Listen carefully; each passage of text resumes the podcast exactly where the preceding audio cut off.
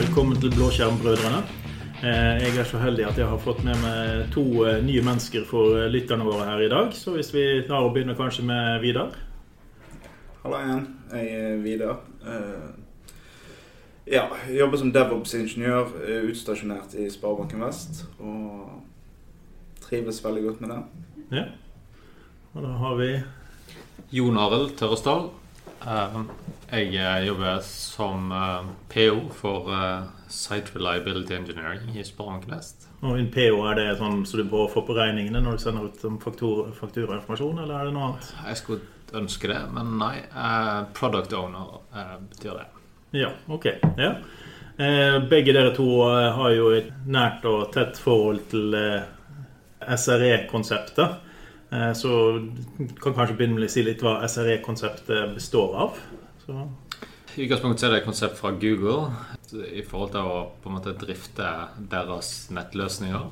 Så så de på tradisjonell drift og hvordan de på en måte alltid hadde gjort det, og fikk ikke det til å klaffe 100 og så begynte de å eksperimentere med litt andre ting. Og da kom egentlig en, en del praksiser eh, til overflaten etter hvert, og alle de tingene der er til slutt blitt fått fellesbetegnelsen SRE. da. ja. Det er egentlig grunnen til at vi sa SRE, det er jo det at eh, begge dere to og jeg for så vidt er i SRE-avdelingen her i Sparebanken Vest. Vi, vi har eh, kjent hverandre før, så dette er ikke tilfeldige mennesker som kommer inn. Eh, Men jeg tenkte det var på høy tid å ta med disse dyktige menneskene som har sterke meninger om mye og mangt. Eh, Og ikke minst så fant jeg ut at det er på tide å kanskje gå inn på Kubernetes-konseptet. For i moderniseringsverdenen så ser man jo veldig mye at det er snakk om serverless, Kubernetes, cloud, multicloud osv. Og, så og vi har jo hatt en multicloud, vi har hatt diverse sesjoner rundt den typen ting. Men, men vi har egentlig ikke gått så godt inn i Kubernetes-konseptene. Så jeg tenkte hvis vi kanskje kunne få, få en forklaring. Hva er egentlig Ku- Kubernetes? Skal jeg ta dem i dag? Ja, det kan du jo eh, som er god på sånt. Så i- utgangspunktet er det litt vanskelig å forklare Kubernetes uten å snakke om containere. Men hvis jeg gjør en antakelse om at en har en viss forståelse av hva en container er og går i, så eh, dreier det seg om at med en gang du skal kjøre Altså skalere containere på noe som kjører på mer enn én maskin, én VM, én server, så trenger du å orkestrere disse containerne til å skalere utover flere servere. Da trenger du et eller annet orkestreringssystem, og Kubernetes er en av de. Tidligere så hadde vi flere, men eh, Kubernetes er på en måte blitt den definerte vinneren av det kappløpet. da. Så det er liksom helt overordna. I tillegg eh, Det er liksom basisbehovene som, som det dekker, men så er det jo blitt mye mer enn det etter hvert. da. Et eksempel på når vi hadde tatt i bruk eh, Kubernetes istedenfor bare et Docker-miljø. da. Det er visst eh, Hvis du ser fra applikasjonssiden, applikasjonsutviklingssiden, som, som, som gjerne vi ser det fra, så er det med en gang en applikasjon kommer, har en viss kompleksitet da, som gjør at du Applikasjonen består av en sammensetning av flere tjenester og, og applikasjoner. Og Da er det veldig hensiktsmessig på en måte å putte det inn i containere, i forskjellige containere, og så skalere det ut i et eh, Kubernetes-cluster og få det til å på en måte skalere dynamisk opp og ned etter, etter konsum. da. Det er jo også veldig hensiktsmessig å egentlig se på andre ting i økosystemet til Kubernetes, sånn som ingresskontrollene, der du, der du faktisk får litt automagi og, og oppsett og konfigurasjon av i, type innkommende trafikk og, og servicekonsepter der. Det, I et Docker-miljø så er jo du på en måte dønn avhengig av at du gjør alt, alt det sjøl og manuelt. Ja. Er dette noe man ville ha valgt å kjørt i sin egen løsning? Vil man eh, outsourcet det? Er det størrelsesbehov? Er det penger? Altså, hva, hva, hvor, hvor skal vi begynne å tenke når vi skal sette opp Kubernetes for første gang? Jeg pleier å si da at Kubernetes er et nødvendig onde. da, Fordi at uh, det er ikke sånn at det er en silver bullet dette her heller som løser alle verdensproblemene. Ved å innføre Kubernetes så, så drar det med deg ganske mye kompleksitet. Og du skal være litt bevisst på hva du gjør, når du gjør det. Det vi ser i dag, da, at eh, veldig mange drar Kubernetes inn ja, som, som en driftsplattform. Og får som en ganske stor overraskelse hva, hva det faktisk innebærer. da. For så må du i de fleste driftsmiljøer hvor du kjører Kubernetes, så må du fortsatt forholde deg til minne, CPU, disse tingene her. For de, kjører på underliggende hardware eller virtualisering. Så, så du slipper liksom ikke helt unna Og spesielt eh, utviklerorganisasjoner da, som velger å på en måte konsumere dette, får seg et uh, lite driftssjokk. da. Det er jo veldig mange som uh, sikkert har lest historier rundt omkring på nettet med, med Raspberry Pis satt opp som uh, kubernetisk-clustre, så det er kanskje ikke det du ville gjort i organisasjonen din sånn helt uten videre? Nei, uh, Linux-miljøet har jo tradisjon for å ta store ting og lage de små kjøre de så smått som mulig. Eh, og uten det så hadde vi vel ikke hatt container i dag, tror jeg. Så det er et fascinerende konsept i seg sjøl. Men uh... Ja, det er jo kanskje litt sånn som eh, for, forrige diskusjon jeg hadde på podkasten, så var det det med å gå tre skritt fram, og så må du gå to tilbake igjen. Så, så vi, vi tar igjen litt sånn kvantesprang, og så må man gå litt tilbake igjen. Men det er jo det som pusher at utviklingen går riktig vei. Eh, og da kommer vi kanskje inn på leverandører av eh, Kubernetes-teknologi. Altså hvis vi skal gå over på skyleverandører, f.eks. Eh, Vidar, hva har du der å Ja. si? Altså, de tre største er jo Google, Amazon og Azure. Det er jo ingen tvil om at produktet er i sin tid utviklet av Google, og de har tatt mange av og de bruker det internt. Så de har en liten edge på selve hovedproduktet der. Ellers så er egentlig både Amazon og Microsoft begynner jo å bli veldig modne produkter etter hvert. Jeg vet ikke om det er så mye mer å si på den saken nå. Det er jo litt eh, Det som kanskje er viktig i en skysetting, da er jo det at selv om skyleverandøren legger mye til rette for deg, så det, må du fortsatt ha den eh, jeg kan si underliggende forståelsen av servere, som Jon Arild eh, snakket om. Du, du er på en måte ting De abstraherer vekk en god del ting for deg. Men du må på en måte fortsatt ta stilling til at du har et sett med noder. Disse nodene kjører på en Linux-distribusjon. Og eh, i krisetilfeller så må du på en måte inn på disse her og, rydde opp. Samtidig så har du eh, på en måte i, i de forskjellige eh, skymiljøene Så når du skal liksom bootstrappe denne infrastrukturen, så, så har alle på en måte en entitet som på en måte er Kubernetes-produktet deres, som du på en måte konfigurerer opp. Men det er en rekke ting som ligger i periferien av dette. Altså, du kommer ikke unna nettverksmekanismene. Så du må sette opp B-nettene, du må få inn subnettene. Du får, all den kompleksiteten er jo fortsatt der. Du, du, det, det er ikke et sort hull eh, inni alt det andre, så det, det skal passe inn. Eh, alt det skal konfigureres, så, så våre oppsett her i banken er jo eh, på en måte, Det er jo litt konfigurasjon og terraform, skriptkonfigurasjon rundt, rundt oppsett av dette. Det er ikke bare eh, ny AKS-cluster i Ashore-type ting. Nei, så det er ikke sånn eh, klikk, next, next, next, finished. Du må, du må lage en liten struktur i bakkant allikevel. Ja, absolutt. Ja. Men det kan vel, mye kan vel eh, eh, automatiseres. Du snakket jo om Terraform. Ja, i hvert fall eh, Ja, alt kan automatiseres rundt dette her. eh, og vi tvinger det frem. Altså vi automatiserer absolutt alle tingene rundt dette her. Så, så det er en stor fordel. da. Men det er ikke spesielt for AKS eller for Kubernetes. Det er sky generelt, vil jeg påstå. Ja, ja. Eh, Leverandørene som eksisterer, er det sånn at eh, du kan sette det opp hos en av dem, og så er det relativt enkelt å flytte? La oss si hvis vi har begynt i Amazon, og så ønsker vi å gå over til Google, siden Google kanskje har mer av den nyeste funksjonaliteten siden de ligger litt fremme. Er det relativt enkelt å ta det med seg, eller er det, er det andre ting å tenke på for de forskjellige leverandørene? Ja, så De underliggende på en måte enhetene her er jo containeren. Og Kubernetes er bare en orkestreringsplattform for å kjøre disse containerne. Så du kan flytte containere relativt sømløst fra et Kubernetes-cluster til et annet. Men så er det et Kubernetes-cluster og typisk der du liksom satt opp et miljø. Fungerer på en viss måte. Nettverkstrafikken kommer inn på denne måten. Lastbalanserer er satt opp på, på den og den måten. Så, så, så lenge du på en måte repeterer det, eller ha det samme oppsettet i de andre miljøene Gjenskape miljøene i de forskjellige skyene. Hvis du skal kunne kjøre, så må du ha gjenskap gjenskapt liksom Ja. at du har de samme mm, forutsetningene likevel. Det er iallfall det enkleste. eh, Men det er jo et langt, langt steg fremover sammenlignet med den verden vi var kjent med fra før, med rene VM-er og den type ting. Da. Så er det transportabelt på en helt annen måte. Det å migrere fra ett datasenter til et annet eh, skal være relativt trivielt med, med Kubernetes sammenlignet med, med hva vi er kjent med fra VM-verdenen. Ja.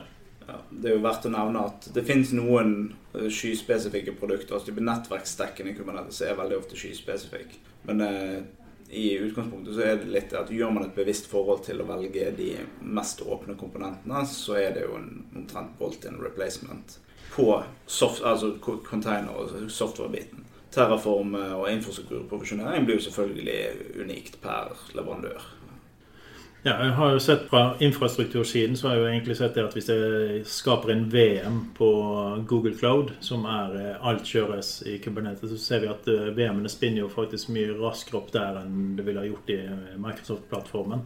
Og det er jo da sikkert på grunnlag av av alt som er gjort i underkant for å automatisere imagene ferdig og sånne ting. At det er ikke så mye, mye som blir gjort før du har VM-en oppe og går. Det er nesten bare å trykke start, så er VM-en operativ.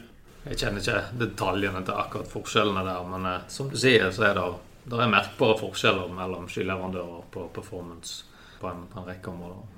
Google vil jo ha den fordelen at de var med og lagde grunnpilaren til dette her, og de er veldig aktive i utviklingen, selv om alle leverandørene nå er jo egentlig aktive med i utviklingen. Eh, men teknologien ser vi jo fortsatt henger litt etter kanskje hos de andre, men det er vel kanskje litt smakssak over hva du allerede er på, om du vil gå inn i en multicloud, eller om du vil prøve å være på den plattformen du allerede er, som kan være et valg for hva man gjør. da. Og ikke minst, hva skal Kubernetes-clusteret ditt, eller maskinene dine, hva skal de kommunisere med? Har du det i, liggende i Ashore allerede, så er det ikke så lett å lage en Google Cloud-løsning med, med, med, Kubernetes som man likevel må kommunisere med infrastrukturen jeg har. Ja, for som du er inne på, Det er veldig fristende for eksempel, å si nei, kanskje vi bare putter clusteret vårt hos Google f.eks., og så kjører vi alle tingene våre der. Fordi det er eh, egentlig enda enklere å profesjonere opp enn, en mange av de andre skileverandørene. Men som du er inne på, altså utfordringen er at du må fortsatt kommunisere med alle de andre tjenestene dine og andre mekanismene du har. Så mest sannsynlig så må du komme dragende med et ganske avansert nettverksoppsett for å på en måte få koble alle de andre tingene opp mot den skyen. Så kan du risikere latency-problemet litt avhengig av hvor datasentrene er. og litt sånne ting. Så man må i hvert fall tenke seg godt om og gjøre det på riktig måten. Absolutt. Ja, det var jo litt sånn som Google eh, Cloud-tjenesten som Bildebank kjører i, kontra det at han kommuniserer med ting som Sparebanken Vest har i en annen skyleverandør. Så, så måtte man jo tenke litt annerledes på, på oppsettet.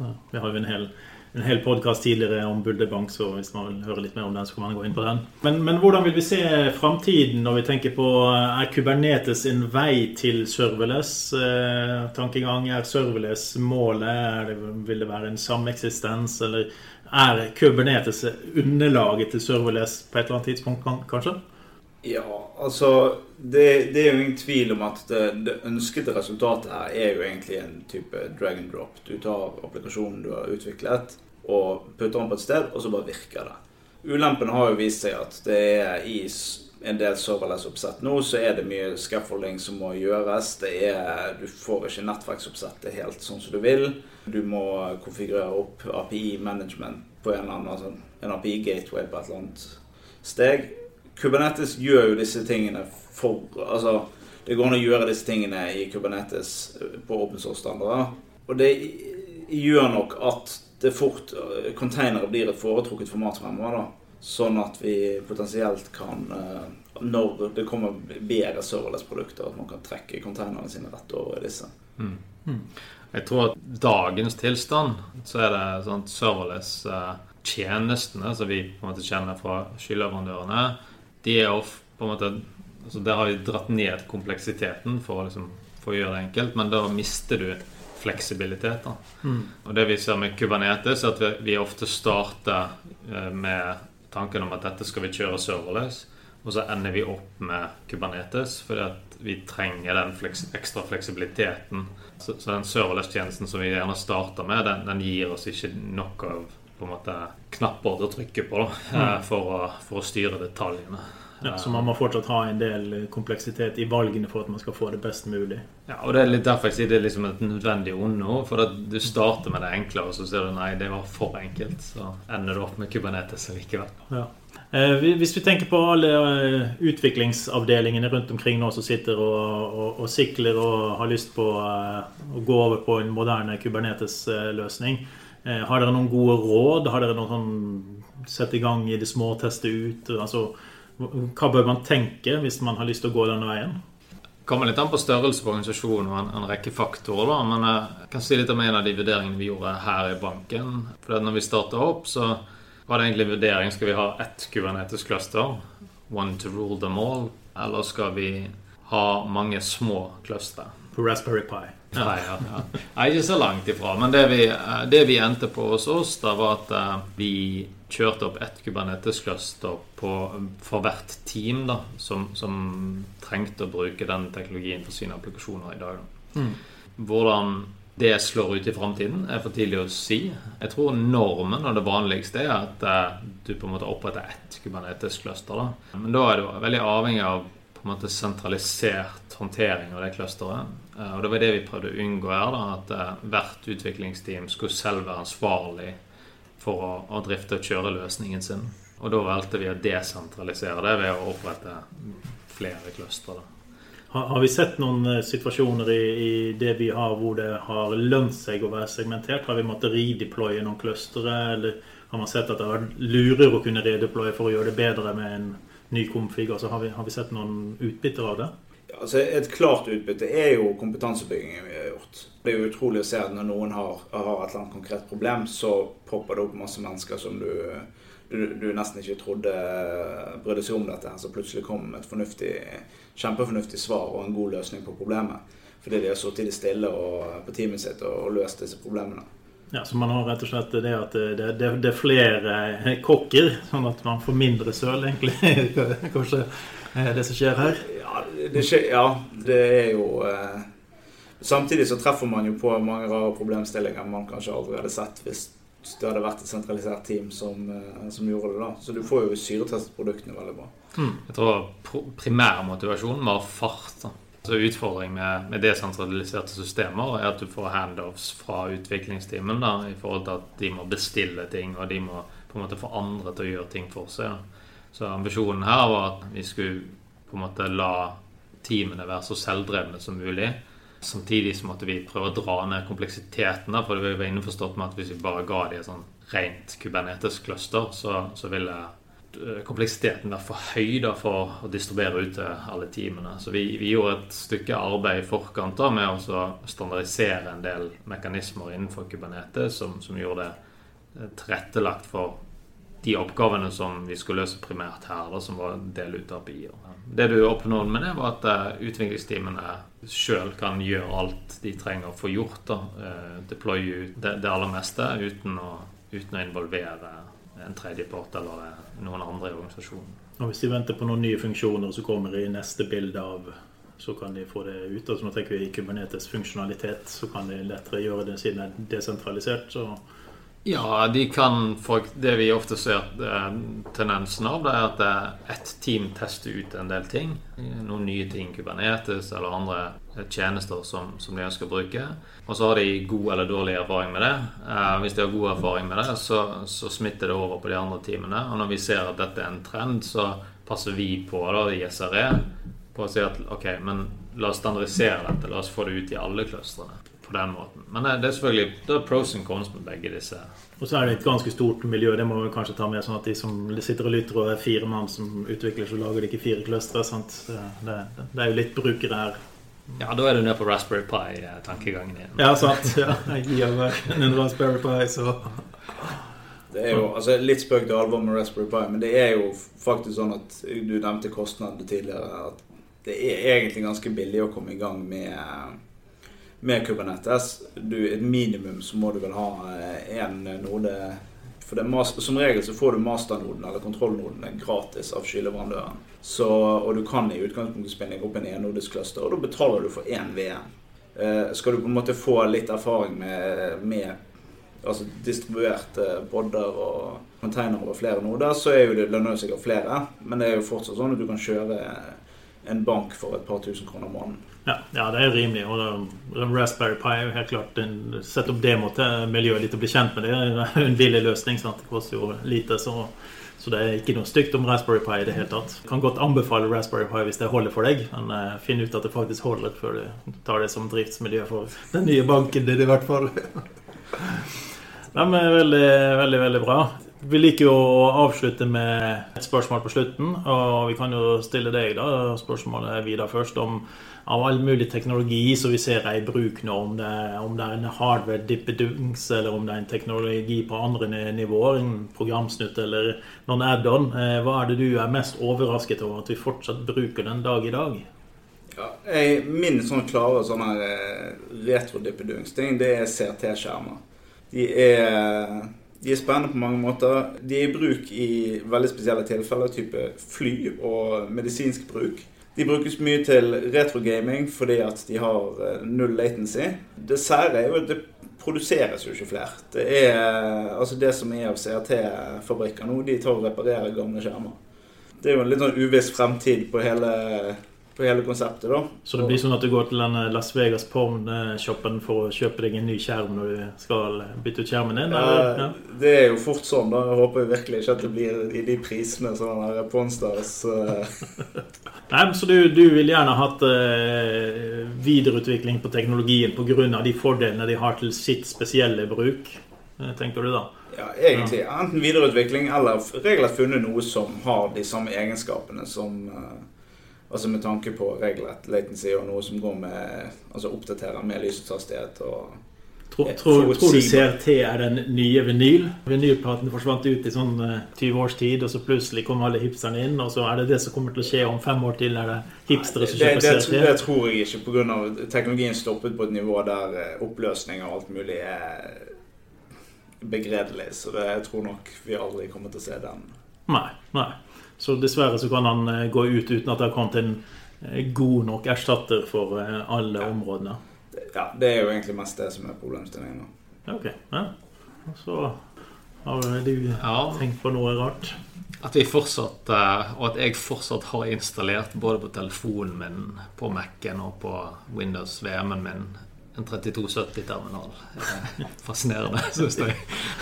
ja, nei, det er ikke mange som er klar over hvor mye 3270-terminalene faktisk påvirker samfunnet hvis de plutselig forsvant over natten. Ja, det kan du si. Ja, det er mange, mange, samfunnsviktige funksjoner som fortsatt er styrt av gammel teknologi rundt omkring.